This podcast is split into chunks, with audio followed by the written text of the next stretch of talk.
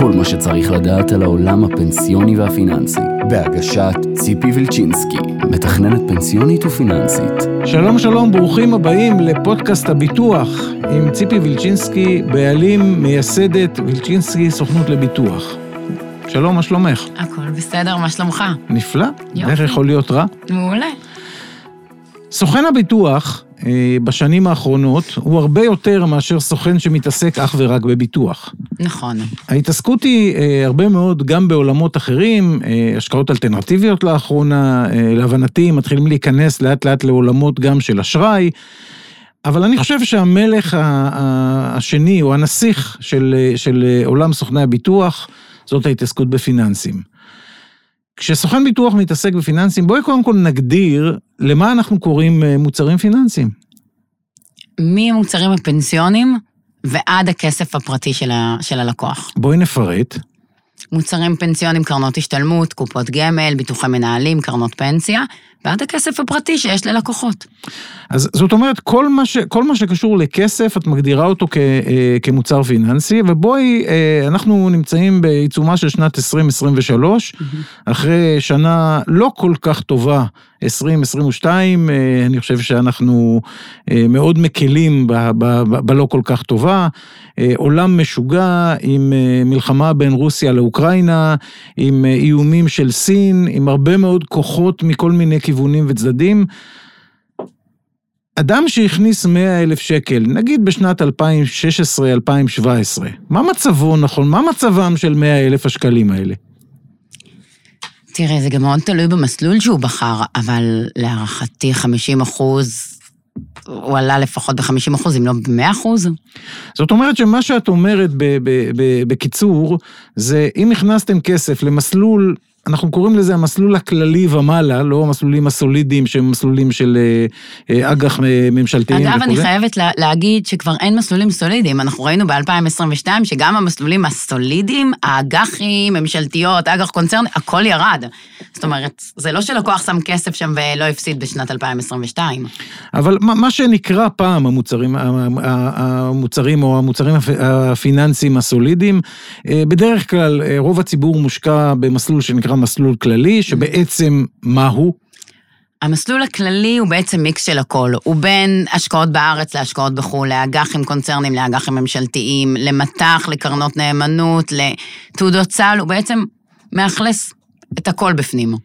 ומי מנהל את כל האופרציה הנפלאה הזאת? המנהלי השקעות בחברות ביטוח מנהלים את זה. זאת אומרת שבמסלול הכללי, אה, למי שמפקיד את הכסף כמעט ואין השפעה על, אה, על, על, על אופי הסיכון שלוקח אותו מסלול. תראה, הוא יודע בגדול שהמסלול הזה הוא מסלול שמחזיק סביב 30-40 אחוז חשיפה למניות, והיתרה שמנוהלת באפיקים יותר סולידיים, אם ככה אתה קורא לזה, אני פחות אוהבת את המילה הזאת, סולידיים. בוא נקרא לזה מסלולי האמצע לצורך העניין. מסלול- בסדר? מסלולי האמצע. מסלולים פחות אגרסיביים, בסדר, אבל אה, כן, אבל אין לו באמת יותר מדי השפעה, הוא צריך לבחור אה, מנהל או חברה שהוא סומך על הניהול שלה, שהוא עוקב אחרי הניהול שלה, שהוא...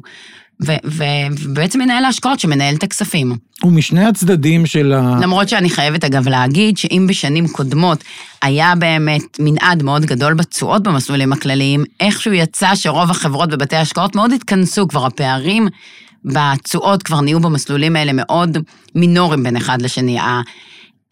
הסטיות שהם לוקחים, או אנחנו ראינו את זה גם על האלטשולר בשנה האחרונה, והנה אפשר ככה לדבר על זה, שהם לקחו איזושהי פוזיציה קצת קיצונית יותר לחו"ל או יותר לסין, וזה בעצם פגע בהם בצורה מאוד חזקה, והשוק הגיב בהתאם, והם איבדו לא מעט כספים. רוב מנהלי ההשקעות לצערי, או לצ... לצער הציבור כולו, בעצם מתנהלים היום מאוד דומה אחד לשני. היום שנסתכל דרך הגמלנט, ביטוחנט, אנחנו נראה פערים מאוד מאוד קטנים, וזה חבל. בואי אבל נ- נמקם לפני שאנחנו ממשיכים את השוק. בעצם דיברנו על, על, על אה, מסלול המיינסטרים שבו רוב האוכלוסייה נמצאת, אה, מה שפעם אמרו אה, אה, גברת כהן מחדרה, לא תיקח ותנהל את הכספים במסלולים של, אלא במסלולים של. זאת אומרת שהגופים המוסדיים הם אלה שמשקיעים עבורה את הכסף והם עושים עבורה את העבודה. עבודה, ומשני הצדדים, מהצד הימני ומהצד השמאלי, אני לא יודע אפילו אם זה טוב לקרוא לזה ימני או שמאלי, אז לא נעסוק בנטיות פוליטיות, אבל בכל זאת, מהצד הימני, מצד אחד ומצד שני, איזה, איזה, אילו אלטרנטיבות יש, אגרסיביות, פחות אגרסיביות? תראה, אז עוד פעם, אז יש את המסלולים הסולידיים, האג"חים, יותר שאג"ח ממשלתי, שהוא כמעט ולא מסוכן. יש את האג"ח הקונצרני, שהוא רמה אחת טיפה מעל, יש את ה-10% מניות, 20% מניות, עד בערך המסלולים הכלליים, שהמסלולים הכלליים 30-40% מניות, ואז יש את המסלולים האגרסיביים, יותר 50% מניות, מסלול מנייתי, שמנהל ההשקעות יכול להגיע שם גם עד ל-90% חשיפה למניות. המסלולים מחקי המדד, S&P, חלק מהחברות פתחו מסלולי מחקי מדד של הנסדק. אה, וזהו, יש כאלה אגב חברות שפתחו גם מסלולי חו"ל, שזה מסלולים מאוד מעניינים בשנה האחרונה, שמשקיעים באג"חים בחו"ל, במניות בחו"ל, שזה קצת המסלולים. שוב, קוראים להם זה טיפה יותר אגרסיביים ומסוכנים. אני לא חושבת שמדד ה-S&P 500, למרות שכולו מנייתי, הוא מס, מס, מסלול מסוכן יותר מהמסלול הכללי. אבל, אה, אבל שוב, הוא מנייתי, הוא מניות. תראי, כמו, כמו להבדיל, כן, כמו ב, ב, בכל, אה, אה, בכל דבר אחר, ככל שההימור הוא יותר גדול, ההצלחה יכולה להיות יותר גדולה, והכישלון יכול להיות יותר גדול. ברור שאם הולכים על שוק שהוא שוק יחסית יותר תנודתי, כמו שוק מניות, לעומת שוקי, שווקי אג"ח, אג"ח מדינה, שגם שם אומרים... אפשר גם להיות במסלול הכספי לגמרי, הוא כמעט ולא זז, והוא נותן לך כמעט תשואה מובטחת. בעצם המסלול הכספי זה, זה סוג של, של מתחת לבלטות, כמו שאת כן, קוראת לו. כן, סוג של, כן, אם מי שלא רוצה לקחת סיכון ולשמור את הכסף מתחת לבלטות, אפשר להיות שם, אבל אני חושבת שכל אחד צריך ב- להכיר את האופי שלו, וגם לדעת לכמה שנים הוא מסתכל. ברור שאם אנחנו נשב או ניפגש עם בן אדם בן 60, 60 ומשהו, אם הוא לא יבוא ויגיד בידיעה מוחלטת שהוא יודע את ההשלכות ואת הסיכונים, לא נלך איתו על מסלול מנייתי. כשכולו מנייתי. אין לו מספיק שנים, שוב, אנחנו יכולים גם לראות את זה עכשיו, ב-2022, לקוח בן 60 ומשהו, הפסיד במסלול הכללי בממוצע 7 אחוז, 8 אחוז, לא בטוח אם הוא צריך לצאת לפנסיה עוד מעט, יהיה לו מספיק זמן לתקן זה. בינתיים אנחנו עוד לא רואים את המסלולים האלה כבר שהחזירו את עצמם. אבל לקוח שהוא צעיר, ויש לו עוד הרבה שנים, אנחנו יודעים שלאורך השנים המסלולים האגרסיביים הם יותר כדאיים, הם נותנים ערך מוסף גדול יותר של תשואות. כלומר, פרופיל הסיכון שאת אה, ממליצה, בואו נקרא לזה בכביש הראשי, לא באוטוסטרדה, הוא פרופיל יותר מסוכן, או יותר אה, אגרסיבי, או יותר נועז, או יותר מנייתי למי שיותר צעיר, וככל שאתה מתקרב ליום מימוש הכספים, אה, אתה רצוי או כדאי, או בהגדרה עדיף לך להתעסק במסלול שהוא פחות, נקרא לו מסוכן, שהתנודתיות בו יותר נמוכה. ככלל אצבע. ככלל אצבע, אם אתה רוצה כלל אצבע בזה, אז כן. אבל שוב, אני עדיין חושבת, אני פוגשת לא מעט חבר'ה צעירים שעדיין נורא חוששים מהמסלולים המנייתיים ומהמסלולים האגרסיביים יותר, אז אתה יודע, לא נלך איתם בכוח ונגיד להם, בואו, תהיו במסלולים האלה. אבל ככלל אצבע נכון. בואי נדבר על הכאב של, של, של הלקוחות. תראה, אני גם רוצה להגיד עוד משהו. הציבור, קודם כל אני חושבת שהוא מאוד למוד ניסיון משנים אחורה. זאת אומרת, אם בעבר ראינו את 2008, 2011, ואת הציבור קצת נכנס יותר לפאניקה, לא ראינו את הציבור ממש בפאניקה ב-2022. ואני חושבת שאת הכל גם צריך לקחת בפרופורציה. בסופו של דבר אנחנו מבינים שה... יש דינמיקה לשוק ההון, אנחנו מבינים שאחת לכמה שנים יש ירידות בשוק ההון, ותמיד יש את הדברים האלה שאף פעם לא היה אותם לפני כן, אף פעם לא היה משבר הסאב פריים, נכון, לא היה משבר הסאב פריים, לא היה משבר בנדל"ן, לא היה משבר ה dot com, ועכשיו לא היה משבר כזה של מלחמת אה, רוסיה-אוקראינה, קורונה. קורונה, הקורונה דווקא הפתיעה. לא, אבל דווקא... מש... לא, היה משבר קורונה. היה חודשיים היה... משבר קורונה, אני הייתי במסלול המנייתי, אני ראיתי את, את הקופות שלי כל הזמן צונחות למטה, עד 20 אחוז אם לא יותר למטה, וזה היה נורא נורא מלחיץ, וחשבנו שהעולם נגמר, שאין יותר מלחמת עולם שלישית, זה פה. אבל הנה, אנחנו ראינו באמת שהשוק למד להתאושש, ויש, בכל משבר יש ענפים שכן יודעים לעלות, וכן יודעים לתת את התשואות הגבוהות יותר, וצריך לפעמים להתאזר בסבלנות, ונכון שב-2022 גורף ברוב העולם, לא היו כמעט אפיקים שידעו לתת תוצאות טובות, אבל אנחנו רואים את מה שקורה היום במדינה, ואנחנו רואים שבאמת המניות במדינה, או הבורסה בארץ היא הרבה פחות טובה, אבל הבורסה בחו"ל מתחילה להחזיר את עצמה, מדד ה-S&P מתחילת שנה עשה תשואות יפות, מדדי חו"ל עשו תשואות יפות, אז נכון שזה עוד לא מחזיר לנו את 2022, אה, אבל אבל יש אלטרנטיבות. יש דבר שנקרא פסיכולוגיה של ההשקעות. בפסיכולוגיה של ההשקעות, אה, אנחנו כהדיוטות, כאנשים מן השורה, כשהשוק יורד, אנחנו בורחים. וכשהשוק עולה אנחנו רוצים להצטרף. כן, רק שכולנו יודעים שאנחנו מצטרפים לשוק אחרי שהוא כבר עלה מלא ואנחנו לא יודעים בדיוק מתי להיכנס לשוק, ואם לכולנו היה את הכדור בדולח והיינו יודעים בדיוק מתי סוף הירידות, מתי תחילת העליות, כולנו היינו נורא נורא עשירים, אבל אנחנו רואים ולומדים שאי אפשר לתזמן את הדברים האלה. ואנחנו לא יודעים מתי הוא מסתיים, מתי הירידות מסתיימות, ואנחנו פשוט צריכים להיות בשוק. אה, ולבחור אסטרטגיה מסוימת ולהחליט שאיתה אנחנו הולכים, ואנחנו לא מתרגשים גם אם השוק יורד. גם מלחמת העולם השנייה, אני בטוחה שהבורסה ירדה, אני לא עשיתי מחקר על זה ולא בדקתי, אבל אני בטוחה שהבורסה צנחה, ואני בטוחה שבאיזשהו שלב הסתיימה מלחמת העולם השנייה, ומי שלא הוציא את הכספים, הכספים עלו בחזרה למעלה. אה, הזמן עושה את שלו. מה שנקרא משיח, אה, גם משיח קפץ והודיעו שהוא נהרג, הציבור, אה, הציבור, האיש הקטן משלם בגדול, ואותי מעניינת ירדנה יותר מהכל. זה, זה, זה שורה כן. משיר של שלום חנוך, שבדיוק דיבר על משבר, משבר הבורסה בתחילת שנות ה-80. יש מציאות היום בשוק? קודם כל, תמיד יש מציאות. וכמו שאמרתי לפני כן, אני חושבת שהיום השווקים בחו"ל יותר מעניינים מהשווקים בארץ, לפחות עד שיירגע פה המשבר שאנחנו חווים פה בארץ, אבל גם זה, אתה יודע, אנחנו לא באמת יודעים גם כן מתי הוא יסתיים, אנחנו יכולים להעריך, אבל אמר לי פעם מישהו, ברגע שמסתיים המשבר, או פתאום יורדת הרפורמה לגמרי, האם זה לא יקפיץ את השוק שלנו למעלה? האם לא נקבל שוב פעם הערכות אשראי גבוהות יותר, ופתאום משקיעים יחזרו להאמין בשוק שלנו? ואם לא נהיה שם, קשה לדעת. אנחנו בסופו של דבר, או שצריכים ללכת על המסלול הכללי, ושם לתת לאנשים גדולים מאיתנו, שזה באמת העיסוק שלהם, להסתכל, לבדוק ולתת להם לנהל את הכספים. או להחליט שאנחנו הולכים באיזושהי אסטרטגיה, שאנחנו מאמינים במדד ה-S&P 500, מאמינים במניות שנסחרות שם במדד, ואנחנו נותנים שם לנהל את הכספים, אבל הקפיצות הן בעייתיות. יש אה, בשנים האחרונות, אה, אולי קצת יותר מאשר בשנים האחרונות, מסלול בניהול עצמי. IRA. מה דעתך? כן, לא? אני, אני אישית, עוד פעם, אני אומרת את זה פה, ואמרתי את זה לפני כן, וגם בפודקאסט הקודם אמרתי את זה. אני חושבת שמי שזה לא העיסוק העיקרי שלו, ולא יושב על המסכים כל היום, ולא יודע לקרוא את הדוחות של החברות כל היום, הוא לא יצליח לנהל את הכספים בצורה יותר טובה ממי שזה העיסוק שלו. אני לא אצליח לבנות קרגבס באותה הצלחה, כמו שמי שהעיסוק שלו יודע לבנות קרגבס. אני לא אצליח לתקן את האוטו שלי גם אם אני...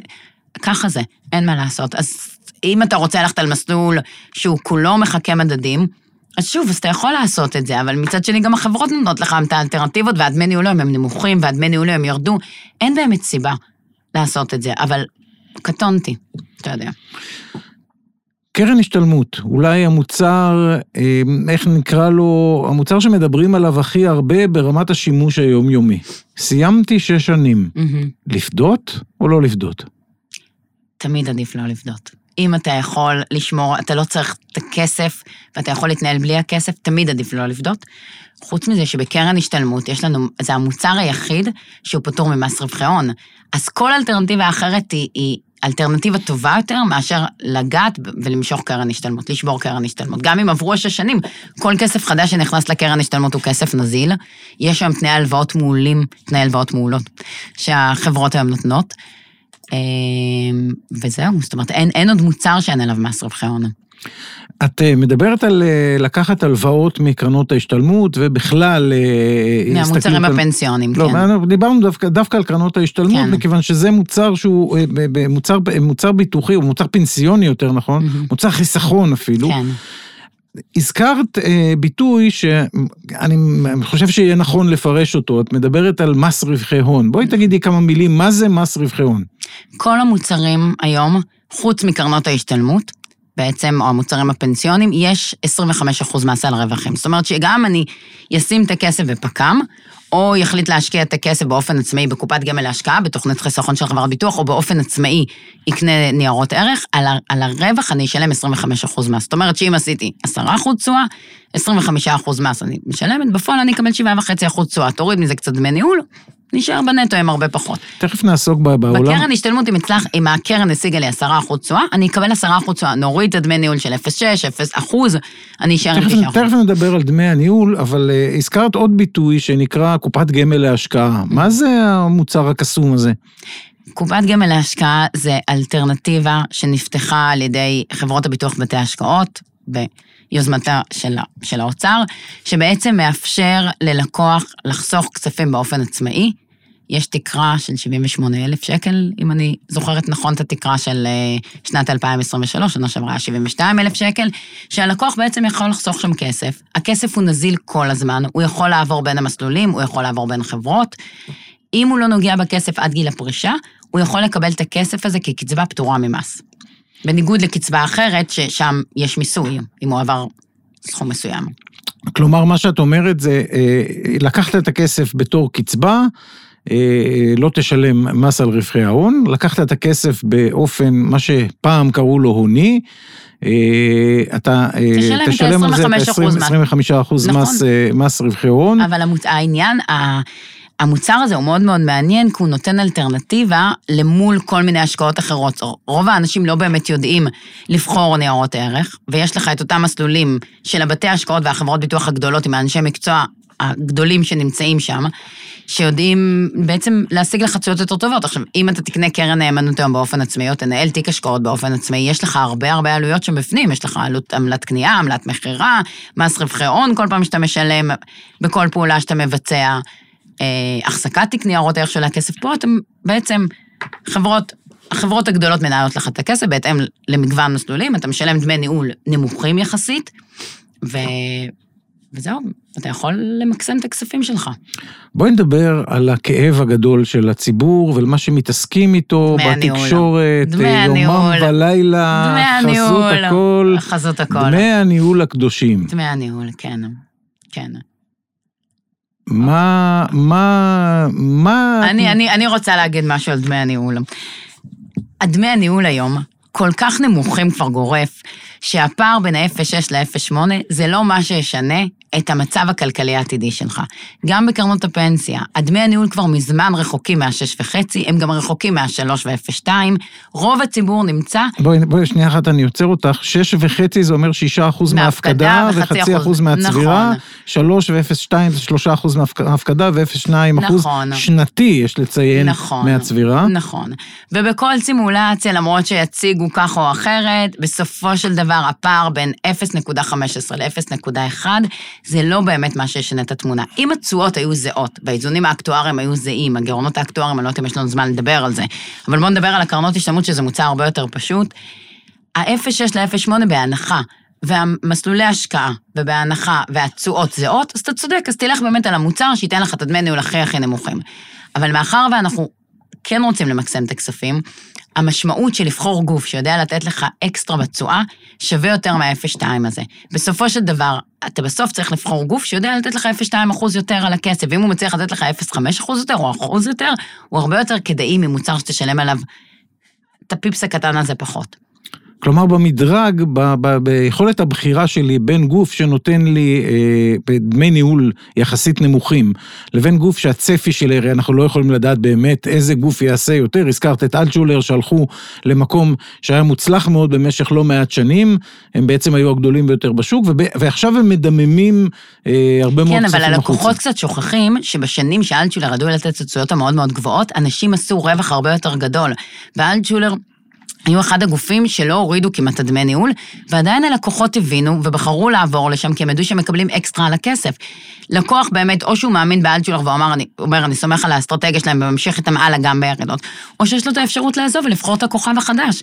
אבל עדיין, שווה לו לשלם את הפיפס הקטן הזה יותר ולנסות לייצר לו אקסטרה תשואה. אם, מש, אם הוא חושב שכולם השיגו את אותה תשואה, זה בסדר, אז באמת תחפש את המוצר שייתן לך את הדמי ניהול הכי נמוכים.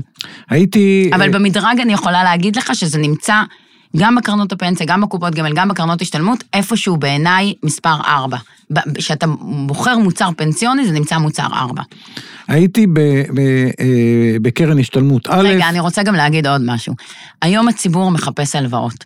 וכשאתה מסתכל על ההלוואות, אתה רואה שיש קצת פערים בהלוואות. אם זה היום, אה, חברות מסוימות נותנות אה, הלוואה צמוד מדד פלוס 2.5, לעומת גוף שנותן צמוד מדד פלוס 1.9, או אחד נותן פריים פלוס 1, או פריים פלוס חצי, לעומת פריים מינוס חצי. אז כשאתה מסתכל על דמי ניהול אימון, נותן לך את האפס, את הפער הזה ב-0.2, לעומת אם ההלוואות זה מה שחשוב לך, אז ההלוואות זה מה שחשוב לך, זה יותר קריטי לך מזה.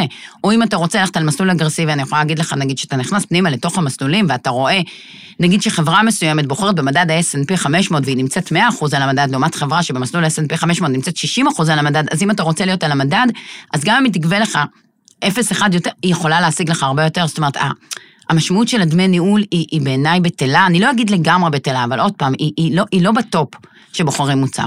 או בשפה של האנשים הפשוטים, לקחת אה, מוצר פנסיוני פיננסי. אה, מסתמך רק על דמי הניהול, משול לקחת רכב ולהסתמך רק על הצבע שלו בגדול, אם אנחנו צריכים לקחת את זה לאיזושהי דוגמה יומיומית. אפשר לגמרי לקחת את זה ככה. ואם אנחנו נלך על המוצרים המורכבים יותר, במעט זמן שעוד נשאר לנו, אז אי אפשר לבדוק קרן פנסיה ולהשוות קרן פנסיה ברת מחדל, גם אם תשלם עליה, אגב, הדמי ניהול היום בקרנות פנסיה ברת מחדל, הגיע הזמן לנפץ גם את זה, הם כבר לא יותר נמוכים ממה שאפשר גם לקבל בקרנות הגדולות. 1 ו-0.22 אז דמי ניהול מכובדים, דמי ניהול יפים, אבל אפשר גם להשיג דמי ניהול נמוכים יותר. אבל בסופו של דבר, במוצרים המורכבים האלה, אתה חייב דמות ואיש שילווה אותך. אתה חייב, קודם כל אתה חייב חברה שהיא גדולה, ושיודעת לתת שירות, ושיודעת להתנהל בתביעות, ואתה חייב אה, מישהו שידע לתת לך את המענה בלהזיז מסלולים, בלעדכן סטטוס ביטוחי, אם אתה רווק, שלא תשלם סתם את העלות על הכיסוי הביטוחי הזה, ושאחרי שנתיים, גם אם הורדת, הוא ידע להרים דגל ולהגיד, אדוני, אתה עדיין רווק, בוא תחתום, כי חבל שתמשיך לשלם את הזה, או אם התחתנת, אז בוא נעדכן לך את המסלול הביטוחי. ואם אתה עוזב עבודה, הזמן שאתה מבזבז על הטלפונים מול החברות ולהתנהל באופן עצמאי, הוא שווה הרבה יותר מה-200 שקל יותר שתשלם בשנה. לאיש מקצוע, ואתה גם יכול לישון טוב בלילה. אני לא הייתי רוצה שהכסף שלי יתנהל, לא, לא רק הכסף שלי, גם כמו שאני לא, לא, הייתי רוצה ללכת לנהל לבד את המצב הבריאותי שלי. אם אני יכולה ללכת לרופא שיודע לאבחן את המצב הבריאותי שלי ואני סומכת עליו, הוא יגיד לי לעשות משהו מסוים, אני ישנה יותר טוב בלילה ככה, אז אני לא רואה סיבה, גם אני לא אבוא לבית משפט לבד בלי עורך דין. הוא יודע דברים שאני לא יודעת. כמו שעשינו בפודקאסט המעסיקים, תני לי בבקשה עצת זהב למישהו שלא מבין בשום דבר. אני אגיד את זה עוד פעם, ואמרתי את זה גם בפודקאסט המעסיקים, ואני אחזור על זה עוד פעם. אי אפשר, אי אפשר להתנהל לא מעסיק ולא עובד, ולא אף אחד בלי איש מקצוע. תחפש את האיש מקצוע שאתה סומך עליו, איש מקצוע שאתה מאמין לו, שרוצה את טובתך, ותסמוך עליו, ותתנהל מולו, כי, כי זהו, זאת, זאת, זאת, זה המסר שלי באופן כללי.